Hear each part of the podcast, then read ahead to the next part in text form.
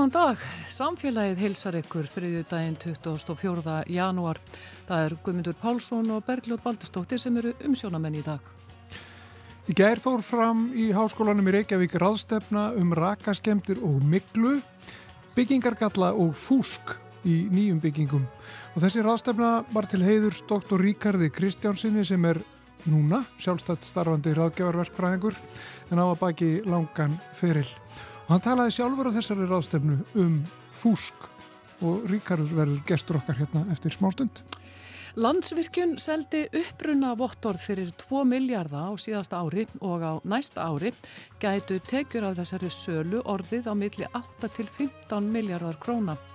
Upprunavottorðin hafa verið til umræðu undanfarið því nýlega fréttist að öll raforka sem landsvirkjun selur teljist nú vera framleitt með kólum og olju og kjarnorku vegna þessara vottorða. Við reynum að komast í bots í þessu í þættirum í dag og ræðum við Hönnu Björgu Konráðsdóttur, lögfræðing og deiltastjóra hjá Orkustofnun og Stefán Gíslason, umhverfis stjórnunarfræðing. Íslenska landsliðið í handbólta lendir í tóltasæti á HM í þeirri ágættu íþrótt sem líkur núna um næstu helgi liðinu tókst ekki að tryggja sér leið á olimpíuleika eins og margir höfðu vonað eða greiða sér þá leið en það er ekki öll nótt úti, það er von en það getur verið flókið mál, mjög flókið með þess að Þorkel Gunnar Sigurbjörnsson íþróttafréttamaður ætlar að gera tilraun til að útskýra það fyrir okkur hvernig það geti gengið fyrir sig. En við ætlum að byrja á fúski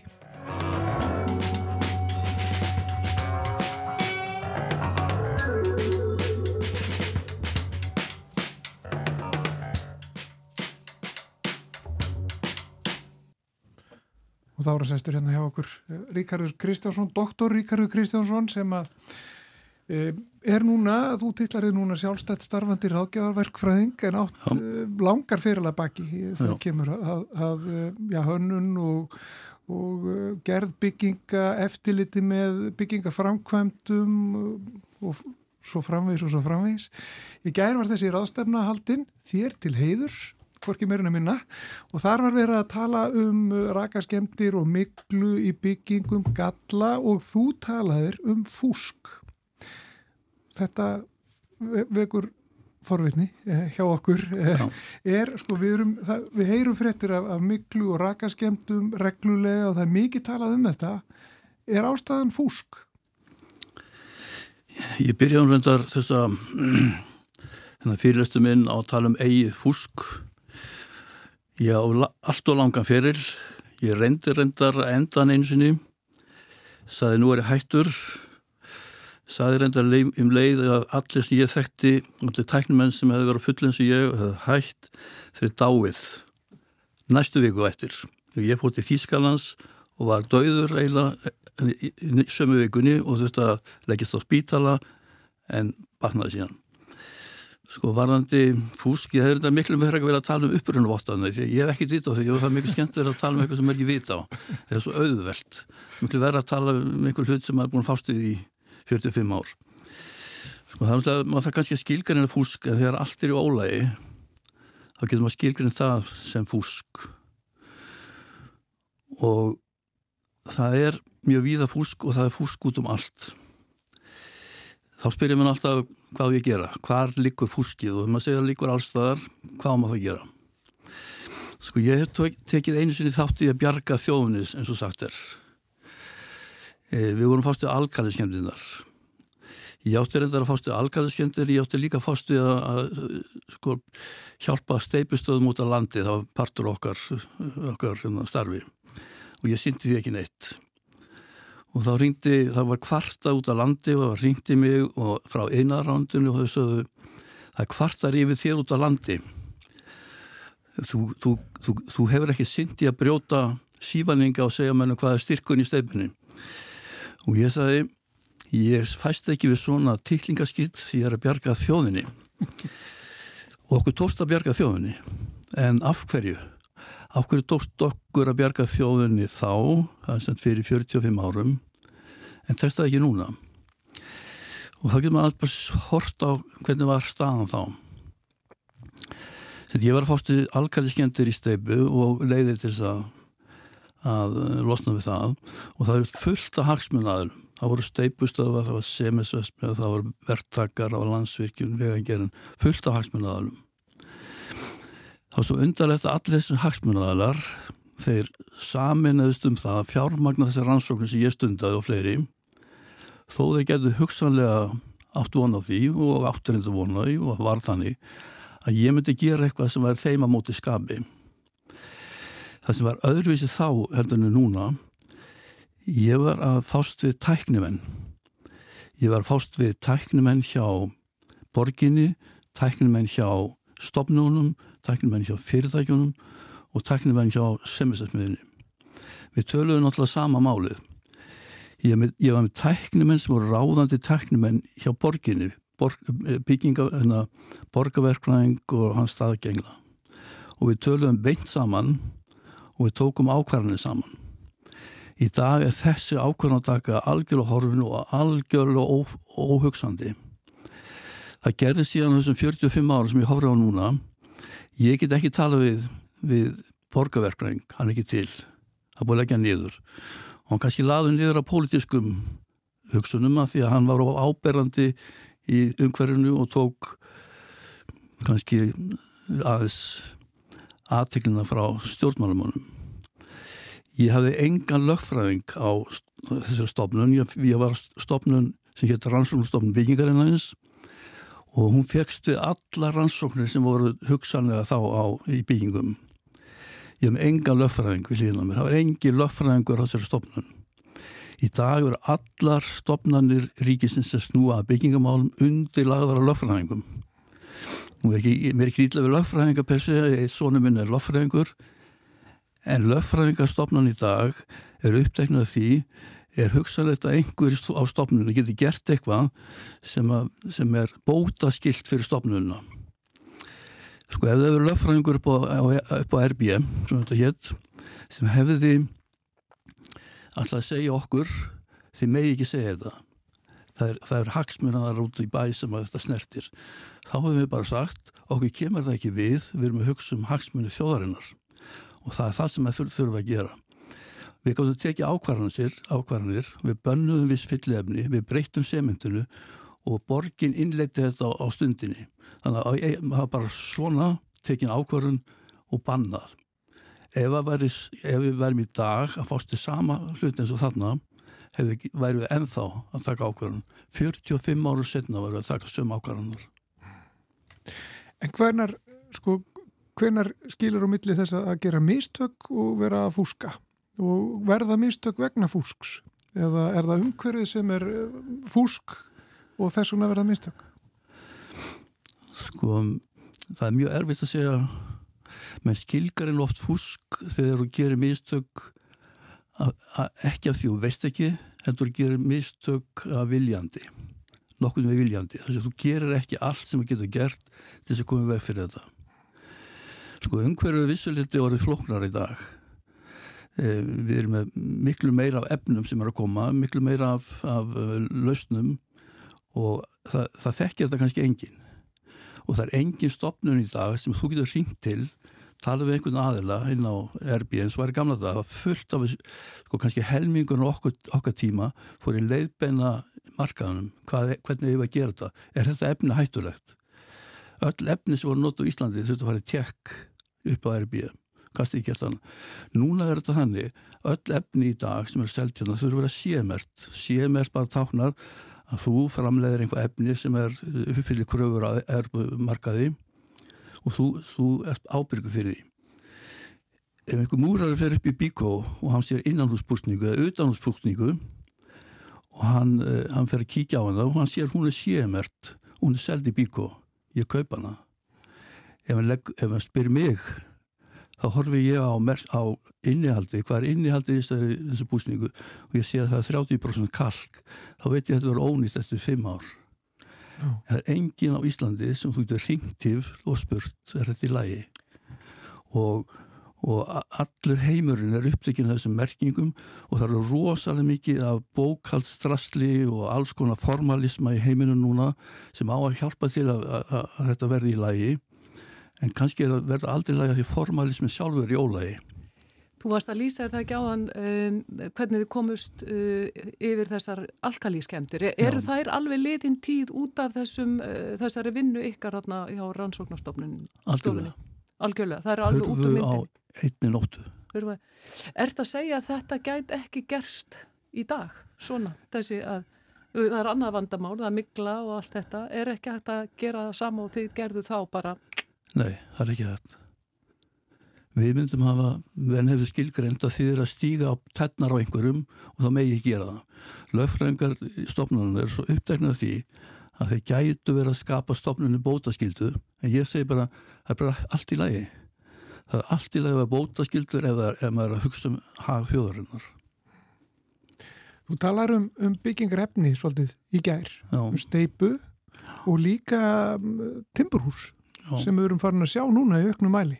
Uh, krosslýmdar timbur einingar, Já. er það kallaðið það ekki, sem Já. er notað mikið núna um, og eitt sem var eftir þetta verðt hjá þér í gær var að þú talar um þessi hús væru góður ekki alltaf verð, þetta væru góð hús en aðferðnar sem varu notaðar væru ekki réttar, það, þessi hús stæðu til dæmis opinn e, fyrir veður og vindum og það ætti ekki að gera það Nei, sko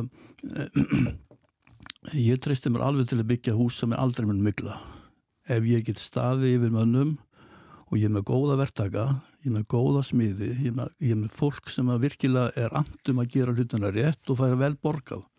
Það, sko, það, það, kostar, það kostar svolítið að gera hlutina vel, það er ekkert endilega að sé dýrar upp í staði. Sko, húsin sem við erum að byggja í dag, meðan húsin sem er hérna í kringum, kringum ykkur, er í, í eðli sínu frábær. Þau eru eðlisfræðilega fullkomlega rétt Timburhúsin gömlu sem við erðum frá Noregi, við höldum nátt að við höfum fyllt þetta upp en þetta eru hús sem kom frá Noregi, tilsniðið með þessi og sett saman hérna, þau voru líka svona. En Timburi er sjálf og sitt aldrei eh, viðkvæmt. Ef við horfum á alla skólan sem er að mikla núna, þá er þetta ekki steipan sem er mikla, hún kannski miklar svona, það er afleitt aðeins í hún miklar, en þetta er alltaf Timburi sem er mikla. Þetta er vilt alltaf timbrið í þökun með timbrið í glukkan, maður er glukkarnir sem leka og það var líka vandamál í, í, í gamlu timburhúsunum. Ég bjóði timburhús í 37 ári, ég, ég gerði svona mjög vítaka rannsókn á steinhúsum og flutti timburhús eftir það. Þetta timburhús var það viðkvæmt að ég let fara yfir húsið á hverju einast ári, málar og smið sem fór yfir og löguði það sem hefði geta valdið skemdum Þetta var fyrirbyggjandi viðhald eins og heitir. E, e, húsið sem við byggjum í dag sem eru steinhús, einangruða utan, klætt eða einingar sem einung, einingar með einangurinn að miðjunni, þetta eru bestu hús í heimi. Gluggarnir þýrtu helst að vera úr einhverju efni sem ekki miklar, sem áli eða einhver slug og aðalatið er að ganga í kringum gluggarna þannig ekki leki og það er alveg þekkt í dag hvernig maður gera það. Það, það, það vitar allir en við gera ekki alltaf. Ég satt eftir 37 ári timburhúsi þá flytti ég aftur í steifta blokk og það leka allar glukkanir. Það hefði ekki þurft að gera. Kostnaður sem núna blasir mér að laga þetta hann hefði ekki verið neitt neitt í uppafi. Það er ekki gengið frá glukkonum rétt og það leikur innu og, og opnuleg fögin eru sémert frá Danmörku en það er þetta frá Lítáin eftir dönskum hönnun og þau bara gangi ekki hérna og, og sko, við, við getum alveg gert þetta. Að fullta húsum í dag sem eru bestu hús á Íslandi. En við aftur þá nú að hætta því að því þetta er, ó, þetta er, þetta er svona, ekki umhverfisvænt. Þess að mikið CO2 sem slepp út þegar að maður gerir sement. Ég saði líka ég, ég, ég skammaði verkfræðingarna svolítið í gæðir og saði þið getur spara helmingin á sementinu. Þeir eru að nota allt og mikið sement og þó ég skamna á löffræðingarna svolítið í, í, í, hérna, í húsnæðis og, og, og mannvíkjastofnun þá þeir þó tekið það upp ég er kannski ekki á sjálfum sér en samt gert það að breyta reglugjær þannig að þú ert núna máttu nota svona helmingina sementin sem þart ég byrði þess að möstur steift möstur fyrir vestan fyrir 42 árum með helmingina því sementi sem við þurfum vanlega en menn hefur nú bara gert þetta líka eftir, eftir þetta þá væru ekki að tala um svona umhverfis vandamál Simensis og það er ekki til Íslandingu sem veit allt um hvernig á að laga sement þannig að umhverfis áhrifinu er bara hverfi. Hann er bara 90 ára. Hann er ekki 40 ára sem þurft að vera.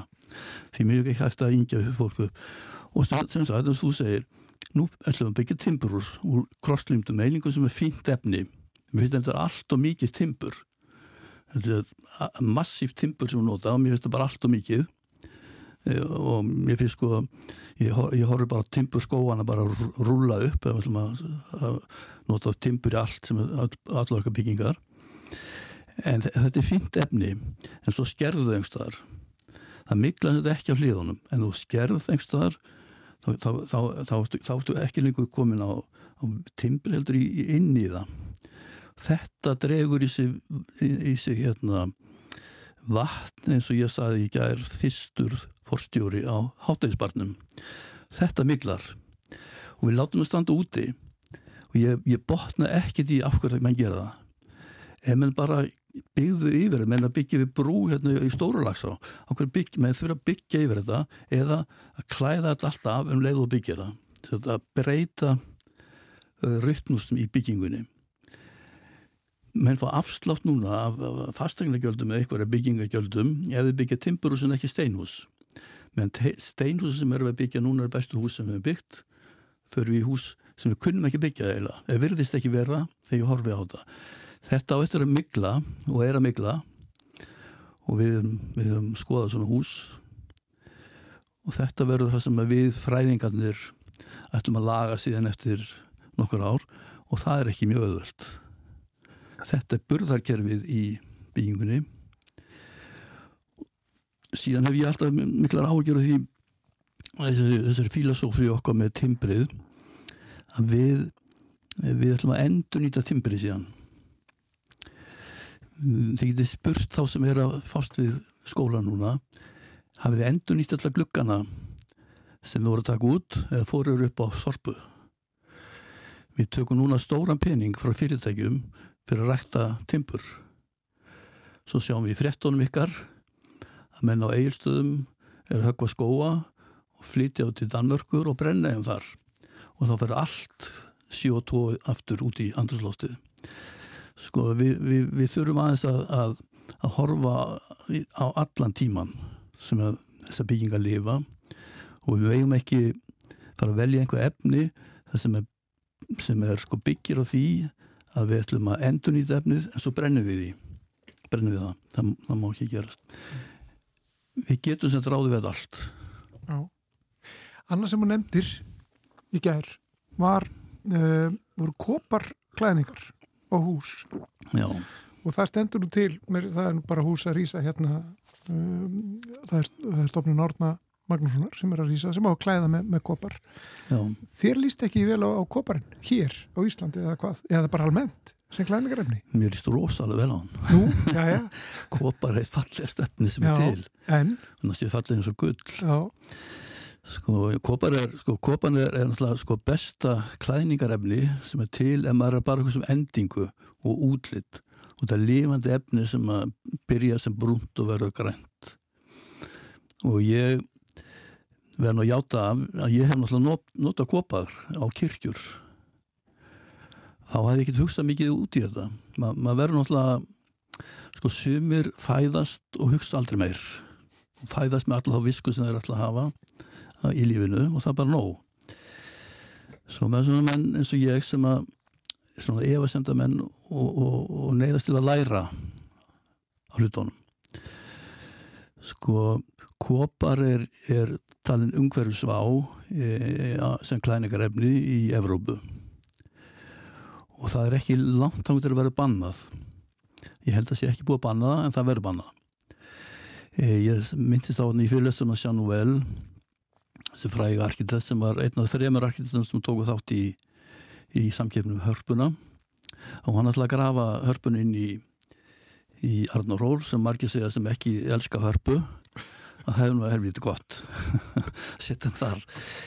Hann setti þetta á sama tíma og byggja hörpu er verið byggja tónlistarhús í Luzern í Sviss. Og hann klætti þakki með, með, með kopar og það rennur af þakkinu út í fyrvalsettissi sem er rosalega fallet vatn við Lúsern, til Lúsern stendu við. Um, ég held að þetta hús hafi verið opnað 2007, tíu ára setna var það ekki rifið af. Já. Það lagaði koparjónir sem fara út í vatnið og það var fann að hafa áhrif á lífríki vatsins.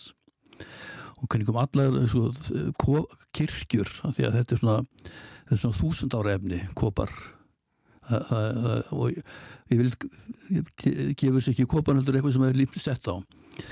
E, Dómkirkjurnir í Evrópu eru, eru skilgrandi sem hámengand svæði. Þannig að þú mátt ekki grafa upp jarfin í kringum þessar stóru dómkirkjur á þess að flytja hann og farga hann með alveg sérstakann hátt. Þetta er talið sem eitruð efni. E, svo ég botna ekki í, í því í dag, ég- sko það reyndar er það þannig að þið lappa hérna hverfi kringum ykkur, það er nýtt hverfi, þá gæti maður haldið að margt að klæningarefni hérna sé kopar. En þetta er raun og ál með kopar áferð. Ég hef hort á þetta, þessar plötur í, við, hérna, hús Ísleikra fræða og ég er ekki alveg þessum, en ég held þessi kopar. Þá finnst mér að mikið, mikið hérna, dirska að setja það upp. Já.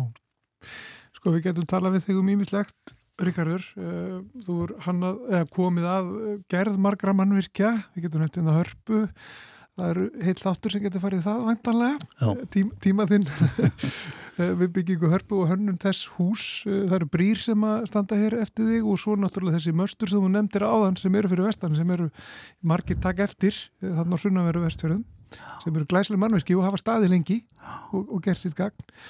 Uh, fleira getum að nefnt, við getum verið hérna í allan dag að, að tala um, um þín verk, Ríkarur, en við þurfum að hætta því miður, en það var mjög gaman að fá þig í heimflokk Ríkarur ykkur. og gangið vel Takk.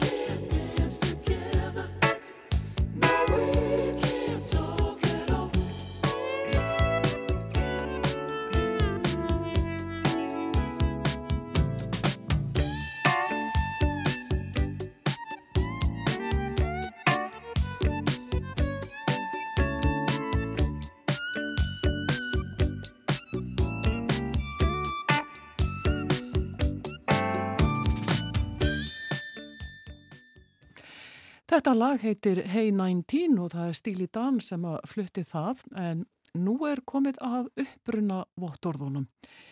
Það var sagt frá því nýlega í fréttum að öll raforka sem landsvirkjun selur hér á landi teljist vera framleitt með kólum og ólíu eða þá kjarnorku og að það sé vegna þess að landsvirkjun taki þátt í viðskiptum með uppbrunna ábyrðir raforku. Margir rák upp stóraugu vegna þessa og því fengum við Hönnu Björgu Konrástóttur, lögfræðingja Orkustofnun og Stefán Gíslason, umhverfis stjórnunar fræðing til að útskýra þetta kerfi. Gefum Hönnu Björgu fyrst orðið. Uppbruna ábyrða kerfi með orku um, er í raun að veru viðskipta kerfi þar sem að markmið er í sjálfu sér að stöðla að framlegslu á endurnýjalegum orkugjöfum, framlegslu raforku með endurnýjalegum orkugjöfum og, og, og aukinni umhverfis vitund. Kerfið er í reynd eins og þú nefnir viðskipta kerfi um, þar sem að það gerir raforkusölum kleift að leita uppi orkukaupendur í Evrópu og uh, leita eftir þeim sem vilja borga fyrir endur nýjanlegan uppruna. Þannig er í raun að vera öllum uh, kaupendum rávorku Evrópu gefis uh, færi á að styðja við, uh, við vinslu á endur nýjanlegum end, endurnýjanlegri orku. Eru þetta þá fyrirtæki í Evrópu sem eru jáfnvel að framleiða orku með uh, olju og eitthvað svona og geta þeir þá keift sem sagt uh, einhver, stimpla frá okkur sem framleiðum orku hér heima með endur nýjanlegum orkugjöfum. Er, er þetta svoleiðis? Já, í raun og verum að segja það að, að ráorku salar geta uh, keift uh, uppruna ábyrðir og uh, til þess raunverulega að framselja til þeirra sem að nota ráorkuna og er þá jafnvel að framleiða uh, vöru sjálfur og eða þá almenni notendur, rávorkunotendur uh, sem að nota endanlega rávorkuna. Þannig geta fyrirtæki í Evrópu sem að vilja stuðlað aukinni umhverju svitund, aukinni sjálfbærni, uh, sínt fram á þeir hafi notað uh, hérna endanlega rávorku við framlösli á þeim börum sem að þeir eru að framleiða til uh, þriði aðila eða, eða til útflutnings. Er, en, en þeir eru kannski ekki að því, sko, er þeir, er, akkur er þetta ekki grænþvottur, svo kallaður? Já, um, vegna þess að í raun og verum að segja að uh, þeir sem að kaupa þessi bref eru auðvitað stuðla að því að þeir uh, rávorkuframlegendur sem er uh, sannarlega framleiða rávorku með endanlegulegum uppruna geta framselt orkuna, uh, framselt umverulega brefin til þeirra sem að nota hérna rávorkuna. Er þetta þá einhvers konar viðskipta kerfi? Þetta er akkurat viðskipta kerfi þar sem að uh, sína þar fram á að þeir sem að endilega nota vöruna hafi borga fyrir framlöslu á endurniðlega uh, rávorku með endurniðlega or, hérna, orkugjöfum. Sko, hverjir græða á þessu?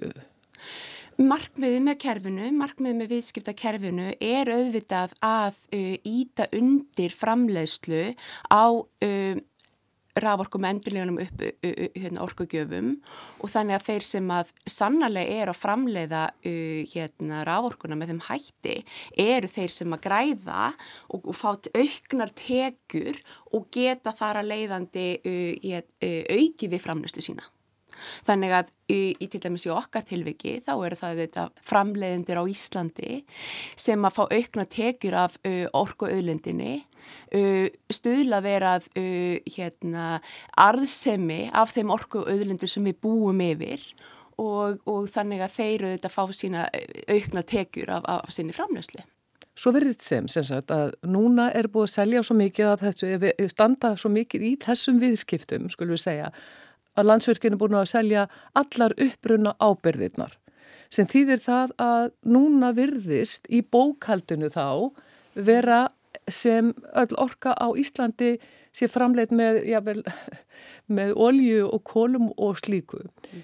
Þetta er náttúrulega ekki rétt að það sé verið að framleiða raforku hér með kolum og, og olju og maður skilur ekki sko hva, hvernig, akkur þetta þarf að vera skráð svona, er Getur þú eitthvað útskýrt þetta?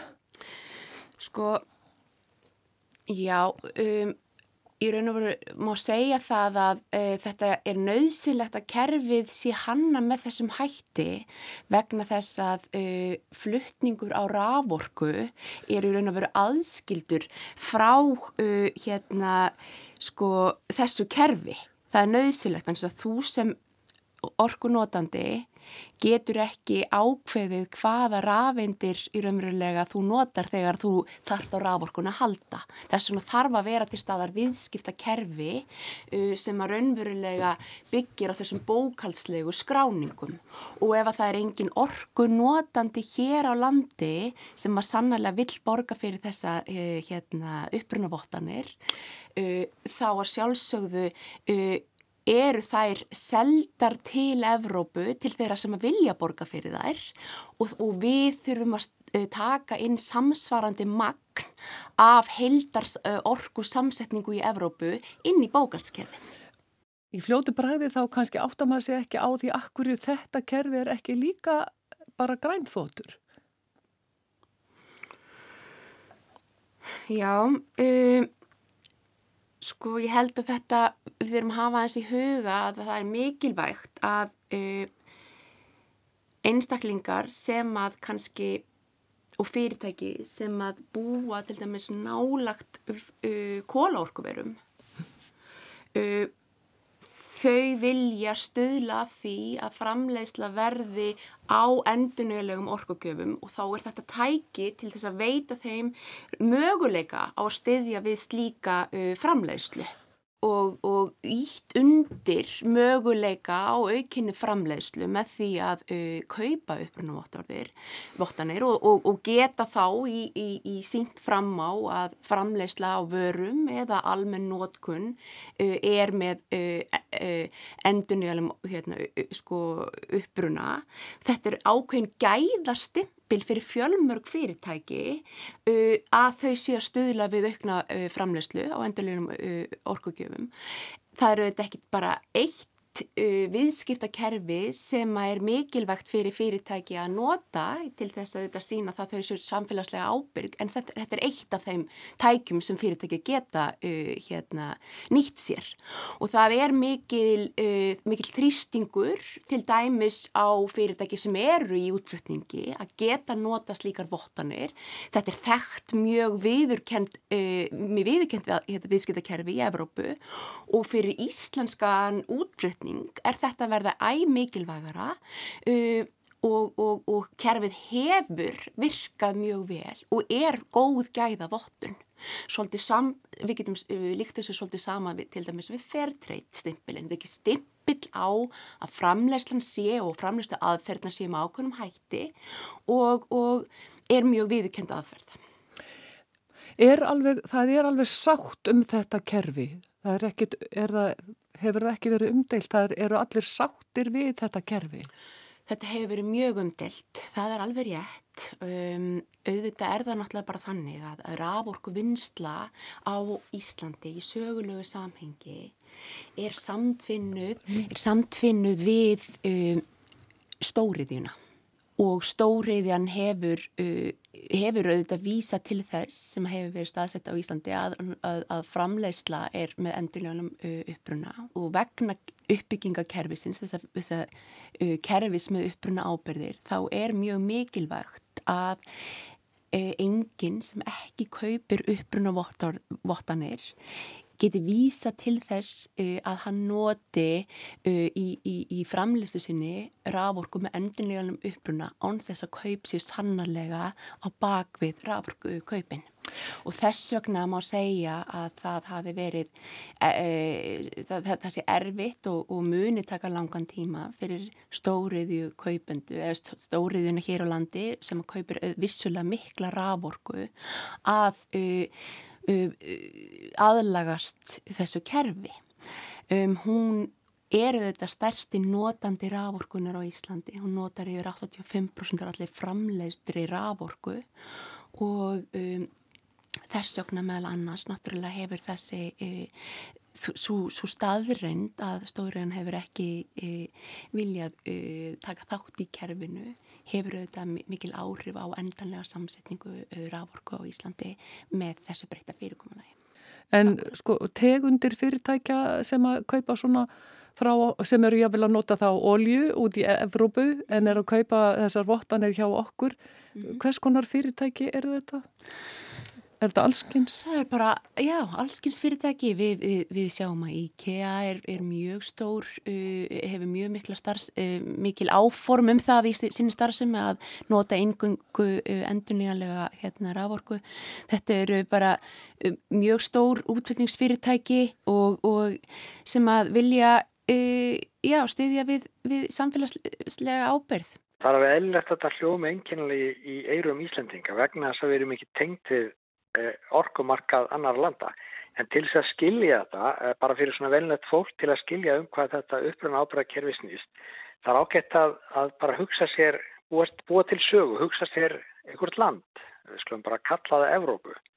Það sem að, við skulum segja, séu tvö orkuver sem framlega alla orku, annað er, er kólaorkuver sem framleiði nýju eitthvað, við skulum bara segja nýju teravatsundir, sem er einhver mæli hverði, og hitt er vassapsver sem að framleiðir eina teravatstund. Og bæði þessi orkuver eru ekstra fyrir fjöllum eða bara hvað sem er og þau sagt senda rávorkona sína inn á einhvert flutningsnett sem að flyttur rávorkona til kaupenda. Og kaupendur eru heimili og alls konar fyrirtæki og þegar rávorkona kemur þanga þá er enginlega að þekka í sundur hvort hún kom upphálega frá stóra kólu orkuverinu stóra kóla orkuverinu sem komið sér rétt út um mér eða vassafsirkjunni. En kaupandin, hann vil kannski geta sagt að hann hafi keft græna orku. Þetta er, sko, allt rafmagn er bara eins, veist, þetta eru bara einhverja rafindir á flegi fer fram og aftur eftir einhverjum stálvirum og, og það er engin leið að þekka hvaðan er koma uppalega, hver setti er inn á þessa víra. Þannig að það er ekki hægt að selja þetta beint frá framleiðenda til neytenda og þá er það kaupandi sem vil sko fá stafsninga því að hann sé að kaupa grænaorkuna. Þannig að, að því hann vill að hann vill auka eftirspurnin til henni. Þannig að það er eitthvað fyrirtæki þarna eða eitthvað teimili á, hinnum endanum sem segir já ok, ég er að kaupa hérna ráorku ég vil vita að hún komið frá vassafsvirkjunni en ekki þessu kólorkuveri, mér, mér er illa við það. Og þá kemur upp þetta vandamann, hvernig á að sína fram á það, það er ekki hægt. En það er hægt að búa til kerfi sem tryggir að á sama hátt og þessi vassarfyrkjun framlegir eina teráðstund á ári eða hvað nú er að þá geti þessi kaupendamarkaður fengið eina teráðstund á ári af grænur rafmagni. Þannig þá er raun og verið að búa til nýja vöru. Þetta er ekki bara rafmagn, þetta er annars vegar rafmagn og hins vegar staðfestning af því að þetta sé grænt rafmagn ef við getum kallaða það. Þannig að kaupandinn, hann kaupir sem sagt einhvert rafmagn og kaupir svo þessa staðfestingu með. Og þegar búið er að kaupa staðfestingar eða uppruna ábyrðir sem að samsvara því sem vassafliskinum framleiðir, þessum, þessari einu teravastund á ári eða hvaða nú er, þá er, er græna orkan uppselt. Og þeir sem ekki eru búin að tryggja sér staðfestingu á því að orkan sem þeir kaupa sér græn, þeir verða að láta sér hinn orkuna linda. Og eðlulega vegna þess að að það er mjög mikið eftirspurð eftir grætni orku að þá er meiri, meiri eftirspurð eftir þessum vottorðum heldur en frambóðið. Það fá ekki allir hérna, rammagn úr þessari einu terafstunduna. Þannig að og, og til þess að leysa þetta þá var búið til kerfi í Európa-sambandinu árið 2001 semst kerfi uppruna ábyrða sem gerði þetta mögulegt og það búið þá líka til bókatskerfi til að tryggja að það er ekki gefið út meira eða minna af upprunáburum heldur sem samsvarar þeirri grænu orku sem er framleitt. Og þar alveg endur líka að segja hvenar er búið að selja allar upprunáburina, hvenar er þetta uppselt, hvenar er búið að selja upprunáburi sem samsvarar þessari einu terrafastund. Ég held að þetta sé alveg skilunægt ef maður er að hugsa þetta svona sem einhvern land sem heitir til dæmis Evrópa þar sem eru mismunandi orkuframleitur. Þannig að þetta kerfi virðist samt þá vera alveg svona óháð raunveruleikanum að þýleiti til að það er samt sem áður orku, orku fyrirtækin hér eru samt sem áður að, að uh, framleiða orku með uh, endurnjánlegum orkukjöfum. Já, þetta breytir því ekki. Þetta breytir bara því að kaupandi getur fengið staðfesting á að svo sé og eins og ég segi upp að við þá hljómarta kannski hjákallega ef maður er með eigin svo Ísland þar sem að öll orkan eða svona hérum bara öll 99,9% eða eitthvað af ráorkunni er framleitt með endurnýjanlegri eða semst er, orð, er úr endurnýjanlegum orkugjöfum. En Íslandi hluta örska efnahansvæðinu og þess vegna þurfti Íslandi að innleiða þetta sama regluverk og það var gert með lögum árið 2008 2011 var svo byrjað að gefa út þessar uppruna á Byrju Íslandi. Og, og síðan hefur náttúrulega margt gerst meðlans það að eftirspurnin eftir uppruna ábúrum hefur aukist vegna þess að það er alltaf fleiri og fleiri fyrirtæki og fleiri og fleiri heimili eh, við skulum segja út í Evrópu sem vilja geta sagt með réttu að þau séu að kaupa græna orku. Þó að sengilega að segja hvað orku þau að kaupa því allar þessar rafindir eru eins. Og þess vegna hefur orðið til markaður þar sem að, þar sem að verðið á þessum uppruna ábúrum fyrir hækkandi og það hefur, minnið að það hefur 50 faldast sko síðan þetta kerfi var fyrst þetta í gang. Og ef við horfum á þetta í íslensku samhengi og horfum kannski sérstaklega á landsvirkjun sem er stæsti orkuframlendin hérna að þá er náttúrulega landsvirkjun að framlæra orku en líka að, að við skulum segja framleiða þessar uppruna ábyrðir eða, eða já, bjóða þeir til sölu. Og á síðast ári, semst 2022 þá seldi landsvirkjun uppruna ábyrðir fyrir 2 miljardar um það bil og ef maður skoða nýjasta verða á markaði fyrir svona ábyrðir þá gæti árleg sala farið í svona 15 miljardar og svo er það náttúrulega bara val kaupandans hvort að hann hérna, leggur fram þessa fjára eða hvort hann ákveður að kaupa bara ráorkuna eða hvort hann ákveður að kaupa ráorkuna pluss þessa upprunábyrð. Þannig að það er nokkur ljóst að það eru miklar tekjur af þessu. Það eru mjög miklar tekjur af þessu og vaksandi og líka ef að fólk hugsaður um þetta íslenskum veruleika eins og ég segi það sem þetta er kannski einhverju viti hjákallegt af því að við vitum alveg orkan sem við erum að kaupa er græn. En ef við hugsaum þetta samt íslenskum veruleika landsvirkjun og reyndar meiri hluti orkuframlenda á Íslandi er í ofinbyrji eigu. Þannig að þar stendur valið um þetta. Á að gefa þessa auðlind sem er fólkin bara í þessum greinastempli eða á að selja hann annarkort innanlands að utan fyrir 2 eða 15 miljardar á ári. Við styrir að þá ef við hugsaum okkur að kaupindunni séu aðalega erlendir eins og er hafi verið að þá er þetta bara innflutningstekið fyrir Ísland til fyrirtæki ofinbregu sem þýðir að arsemi þeirra eigst sem þýðir að þau geta greitt meiri art til eigenda sinna sem er eins og tilfyllir landsvirkjuna bara Íslandska ríki sem er bara fólki í landinu og eða að afkoma þessari fyrirtækja batnar og þau eiga auðvaldra með að byggja upp meiri græna orkuvinslu án þess að taka lán og maður getur hugsa sér á þess að þessi tilgangurinn að til lengri tíma líti þá leiðast til lægra orkuverðs bara vegna þess að þessi fyrirtæki vegna þess að, að rekstur þessari fyrirtæki styrkist. Þannig að þú telur að þetta séu gott kerfi?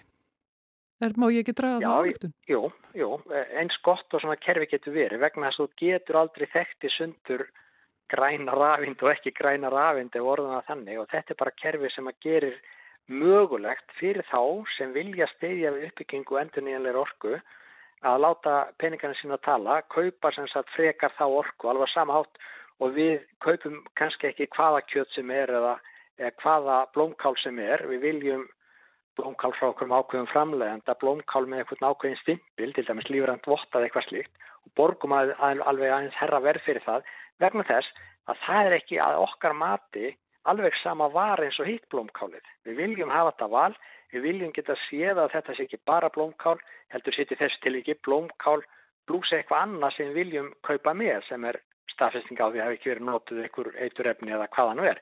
Þetta er alveg sami hlutur. Bara orkan er, það er svona erfitt að sjá hana fyrir sig sem vöru að við getum ekki hort á hana, við getum ekki séð hvort hún er græn á litin eða ekki.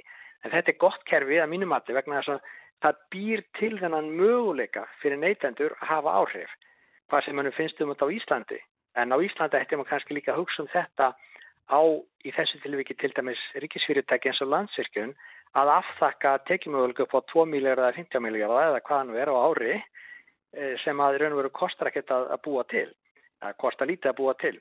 Og, og ef við hugsaum að þú trá heimilunum á Íslandi, það þarf engin að kaupa sér aukfjörnábúrir, það er bara frjálst val.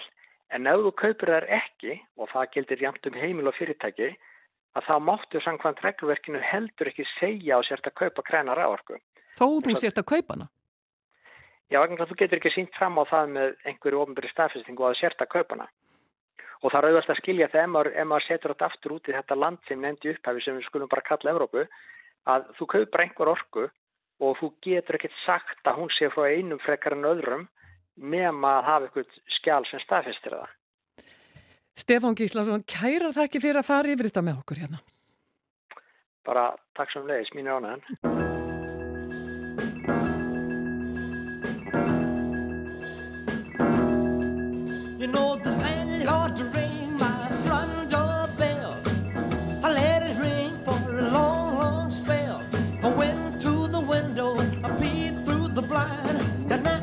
to tell me what was on, on his mind. He said, Money, honey, money, honey, money, honey. If you wanna get along with me. Well, I screamed and I hollered, I was so hard pressed. I called the woman that I love the best. I finally got my baby by a half past like to know what you want with me. I said, Money, honey, money, honey,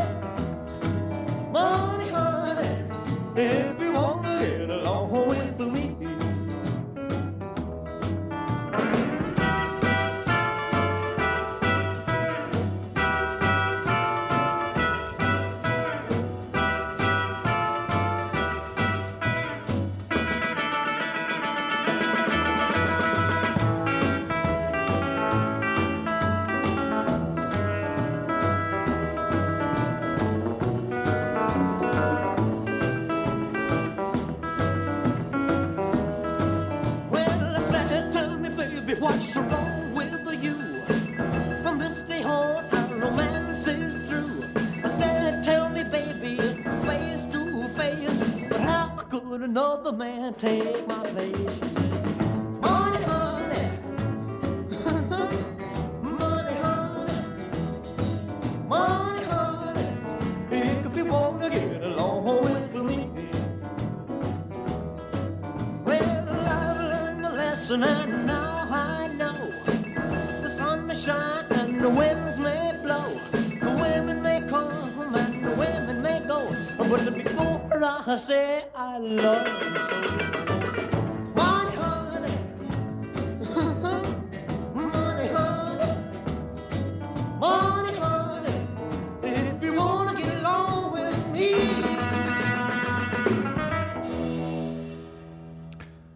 Presley og lag sem heitir Money Honey.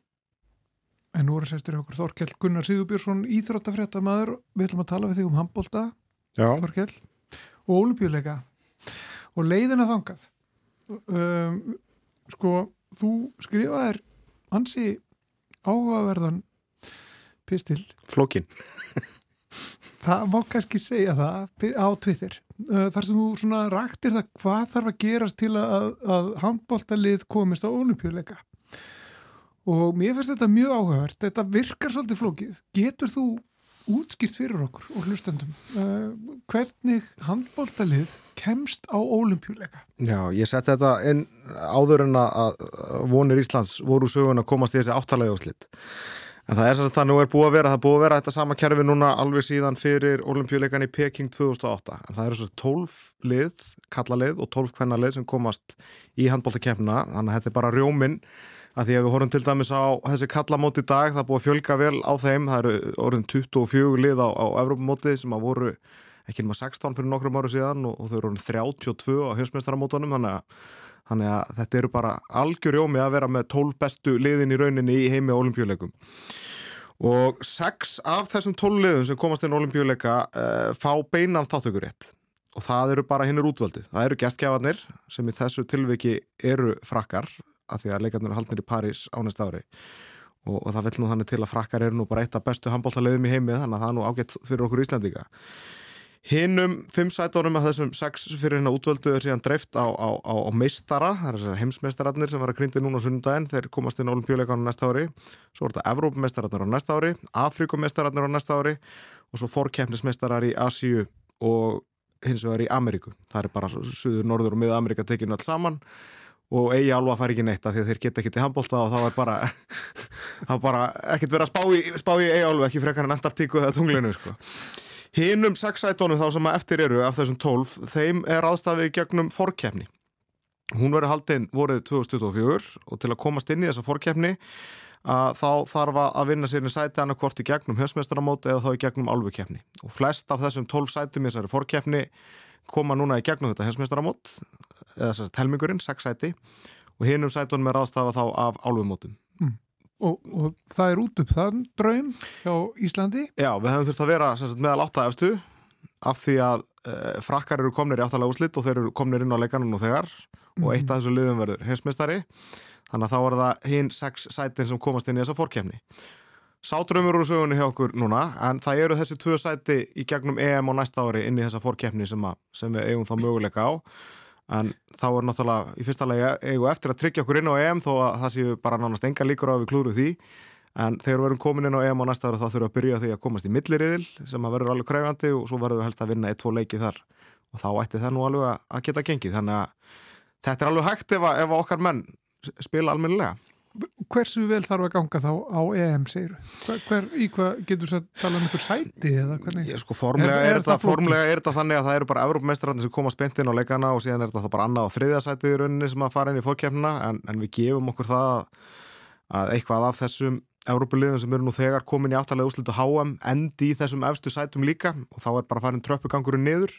Já, og þá eru rauninni eitthvað af þessum sjöliðum sem eru sem sagt núna í áttalega úrslutum sjö Evrópuliðum af því að það er eitt lið frá Afríku, ekkert að land e, mega í rauninni lenda fyrir ofan okkur til þess að við getum komist inn í þessa olimpíufórkefni Mm. þannig að þetta er svona út frá því að þá er þetta svona gæti mögulega kannski áttundasætið tugað okkur mögulega kannski. svo er endar smá tvist í þessu að að eh, níunda og tíunda á HM núna gætu gefið sæti þessari fórkefni næsta ári það að segja þegar þetta er eiginlega bara svo kostningakerfi þegar ringi ekki hann fyrir gang af því að, Ef, ef menn tryggja sig öðruvísi já, þá dettur út tryggingin annar staðar og einhverjir aðrir komast á í staðin. akkurat, þannig að segjum svo að Danir verður bara hinsmestara núna þriða skiptið í röð, þá fara þeir bent inn á, á olimpíuleikana Mm.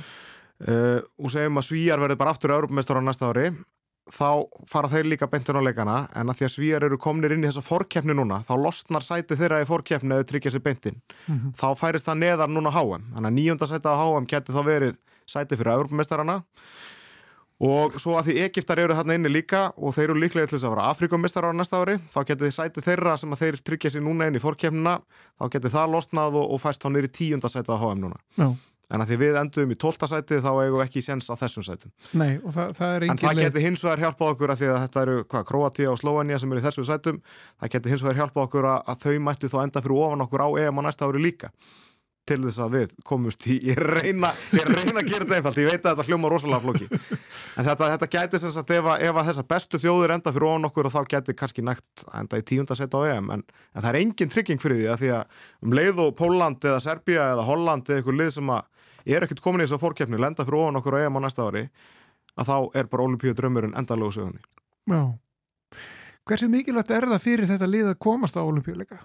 það skiptir bara öllu máli því að þessi janúar móti er hverju einast ári og þau eru farin að renna svolítið saman í eitt hjá þessum mönnum EM og HM og, og, og, og fólk mann valla hvort, hvort, hvort móti heitir Evropamóti eða hensmestramóti en olimpíuleikar er bara svo einstök keppni að því að þetta er á fjögur ára fresti og það eru bara þessi tól bestu lið sem komast þar inn, þar eru hóparnir líka minni veist, á þessu móti núna þetta eru 18, 19 manna hópar þó að séu 16 sem spila hvert leik og olimpíuleikum máttu bara vera með 14 og, og, og þú veist, þjálfarinn fær ekki einu sinni medalíu þegar, þegar keppnið er lokið, þetta eru bara, bara leikmennir, þannig að það er bara reysa stórt að komast inn á olimpíuleika og það myndi líka bara skipta miklu máli fyrir lítið olimpíusamband eins og Ísland að ná inn e, hópíþróttaliði því að mm -hmm. síðust olimpíuleikum í Tókjó 2021 að það voru bara fjórir íslenski keppendur sem er bara, það hefur ekki verið svona fáir íslenski keppendur síðan 1964 þannig að veist, með því að fá 14 manns í heilu handbóltaliði til viðbótar við fjóra til sex einstaklis íþróttamenn að það bara stækkar allt í kringum Ísland og olimpíuleikum Mm. þannig að það væri mjög mikilvægt Bara fyrir þá sem við botna ekkert í þessu, svo vorst að segja. og eru örgulega margir, ég er bara að gera mig full, fullkomlega grein fyrir því sko. Er einhverja líkur á því að við komumst á olimpíuleikana? í handbólta, Já. já. það er alveg líkur á því við eigum séans að setja í gegnum þetta Europamóta næsta ári En til þess að þá þurfum við að komast inn á EM sem eins og ég segi, það eru bara eh, nær enga líkur og við gerum ekki, þannig að við förum alltaf að vinna þetta Europamót. Öðru lagi þá þurfum við að komast upp úr riðlakeppninu á EM og svo þurfum við, myndi ég halda að vinna 1-2 leiki í milliriðlunum og þá ætti, ætti það nú sennilega að döga inn í þessa forkeppni og, og þa þar eru við þá komin í, í bara sérstakann riðil, fjögurarlega riðil og, og í riðilunum komast inn á olimpíuleikana. Og við höfum komist þannig inn bæði til Peking þegar og eins til London 2012 þegar við áttum nú bara hreinlega að vinna leikana en, en fjallum úr leiki áttalega úrslitum. Þannig að síðustu tvö skipti sem við komist inn á olimpíuleika þá var það í gegnum þessa forkeppni að því að, að því að við höfum kannski ekki bent verið álfumestarar eða, eða heimsmestarar bara aldrei. Nei, einmitt. En kannski bara örstuðt í, í lokin, aðrar íþróttagreinar, aðrar hópíþróttir sem er keft í olimpíuleikum, er þetta svipa fyrirkomulag? Já, það er, Er mi, þetta- já, já og nei þetta er, er misjant, karvan er uh, svona flestlið þar tryggja sig mitt í gegnum til dæmis í gegnum heimsmeistaramót og síðan er eitthvað, kvótasæti á, á, á álfurnar og eitthvað olimpíu fórkeppni það er held ég eins í blækinu líka. Mm strandblæk er til dæmis öðruvís af því þar geta verið fleiri lið frá, frá sama landi, það geta verið tvö að þrjú bandarisk lið til dæmis í strandblæki því það er bara tveggja manna sport. Síðan er í raunin allur gangur á þessu. Fótboltinn er alveg einstakur. Það er náttúrulega til dæmis kvennaliðin það eru bara bestu kvennaliðin sem komast inn þar en, en kallaliðin að þar eh, eru ekki einu svona A-landslið heldur eru það í rauninni 21 árs landslið sem að tryggja sig inn að því að það eru gamla leifar að því að, að, að atvinnumenn sé ekki hérna inni heldur fara þeir bara á hausmeistarmóti sko. Einmitt. Við komumst ekki lengra með þessar vangaveltur Þorkell Gunnar Sigurbjörnsson. ég vona að ég hefði flækt þetta ennþá meira Þú flagtir þetta ekki, þú útskýr, ég, ég held ég að við skilja þetta verðljótt, skildur þetta? Nei, Nei, já, já. ég treysti útskýrst því sem þú segir. við þurfum bara að standa okkur sem best á EM á næsta ári Já, og það er alltaf ekki nástæð til annars en að búast við því að menn standi sér bara frábælega á því ágæta móti. Takk fyrir komin að Þorkell Gunnar uh, fyrir þau, þá hlustendur sem vilja fræðast meiru þetta þá er hægt að fara á Twitter og skoða reikning Þorkels Gunnars þar sem þetta er útskýrt Ja, ég segi ekki á einfaldan hátt en þetta er útskýrt Þetta þetta er búið hjá okkur í dag. Já, við komumst ekki lengra. Herust á morgun. Verðið sæl.